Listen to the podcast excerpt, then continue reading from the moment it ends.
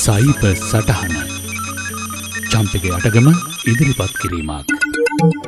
මීට දවස් කිහිපයට කලින් ශ්‍රී ලංකා රජය විසින් ෆේස්බුක් වටසැප් වයි බැතුළු සමාජ මාධ්‍යවාරණයක් ඇති කලා. රට තුළ උද්ගත වීගෙන අන් නොසන්සුන් වාතාවරණය තුළ සමාජ ජාල මාධ්‍ය හරහා අසත්‍ය තොරතුරු සංසරණයවීම වැලැක්වීමටයි මෙන් පියවර ගත් බව රජ්‍ය ප්‍රකාශ කළේ. නමුත් තරුණ කොටස් මෙම් වාරින් ගැලවෙන්නට අලුත් උපක්‍රමයක් යොදාගත්තා. ඒ තමයි VPN තාක්ෂණය.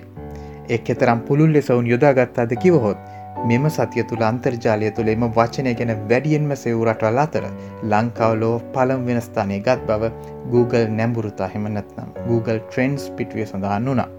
ඇත්තර මොකක්ද VPN කියන්නේ. VPN අකුරුවලින් නං කියන්නේ Virtual Private Network කියන එක. ඒ ඇන අන්තර්ජාලය තුළම තමා වෙනුවෙන් නිම වෙන එක්තරාකාරක පුද්ගලික ජාලයක් කොහොමද මේ සිද්ධ වෙන්නේ අපි සරලෝ පැහැදිලි කර ගමු හිතන්න අපි ගෙදරින්දල ශොපින් සෙන්ට එකට යනවා කියලා වාහනයකි දැන් වාහනය අන්තර්ජාලය හරහෙන දත්ත පැකැට්ටුවක් කියලා හිතුවොත් ඒට ඔය තියෙන වංගෝලින් හැරි හැරි යන්න. එහ යන ලිපිනේ කියන්නේ ශොපින් සෙන්ට එක ලිපින ඕනි. ඉන් බඩු අරගෙන ආපහුවෙන්න ආපු ලිපිනයත් එහි සටහන් වෙලා තියෙනවා. ඉතින් පාරය පහුගන හැම වංගෝකම ඉන්නයට මේ වාහනි පරීක්ෂා කරලා කියන්න පුළුවන් ඉන්න කොහේද? යන්නේ කොහෙටද? කියලා. එකැන මේ ගෙදර අය බඩු ගන්න යන ශොපින් සෙන්ට එක මොකක්ද මොන වෙලාවටද යන්නේ මොන වාහනින්ද යන්නේ මේ හැමදේම එලීන් අයට දැනගන්න පුළුවන්. ඉතින් ඉලක්ක ගත වෙළඳ දැන්වීම් අනන්නතා අසොරකම් කරනයට එවිතරක් නෙවේ ඔත්තු බලන්නයට මේ විස්තර ගොඩක් ප්‍රයෝජනයි.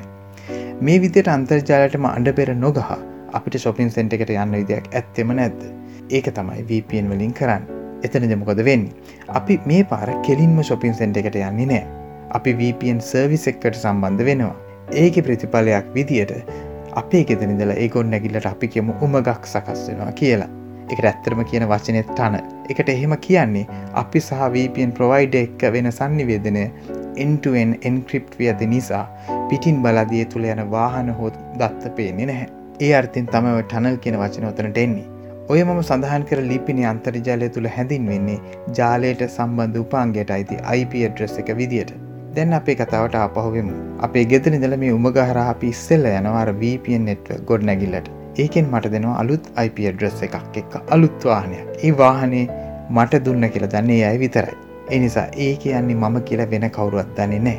දැන් මම ඒ වාහනින් ශොපින් සෙන්ට එකට ගිහිල්ලා බඩු අරගෙන ඒ වාහනින්ම ආපව්වර අලුත් ලිපිනයට ගිහිල්ලා මම ආපු වාහනේ අර ටනල් එක දිගේ ගෙදරෙනවා. දැන් මම ශොපින් සෙන්ට එකට කෙලින්ම නොගියට අර VPN ගොඩනැගිල්ල හරහා කාටවත් නොපෙනෙන්නට ඒ ගමන ගිහින්නාව. ලංකා මේ මොහොතේ ෆේස්බුක් වාර්ණය කර ඇතත් බොහෝ දෙනා VPN හරහා පිටරටක තින සේවරකයක් යොදාගෙන ටනල් එකක් හදාගෙන හරහා ෆේස්බුක් වෙත යනවා. මේකට ගැනෙ භූගෝලිය වාර්ණයන් එනම් ජියෝ බ්ලොක් මග හැරීම කියා. නමුත් මේ එක ප්‍රයෝජනක් විතරයි.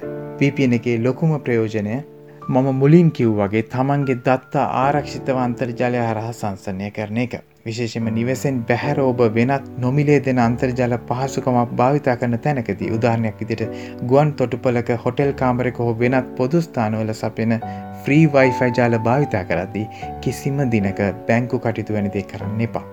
එසේ කරන්නට අවශ්‍ය නම් අනිවාරයෙන් මෙවැනි වීපෙන් සේවා භාවිතා කරන්න. VPN භාවිතා කිරීම ඉතා පහසුයි. විනාඩියත් දෙකක් ඇතුළත ඉතා පහසුවෙන් ඔබගේ පරිගණක හෝ ජංගමුදුරකතිනේ ස්ථාපනය කරගත හැකි නොමිලේ සහ මුදල් ගෙවල් අබාගත හැකි VPN සේවාවන් තිබෙනවා. මෙතනදි මට වැදගත් උපදසක් දෙන්න වෙනවා. සයිබ අවකාශ ඇති දහස් ගන්නක් VPN නිෂ්පාදන අතුරින් ඔබ තෝරා ගන්නා සේවා ගැන තරමක් හොයල බලන්.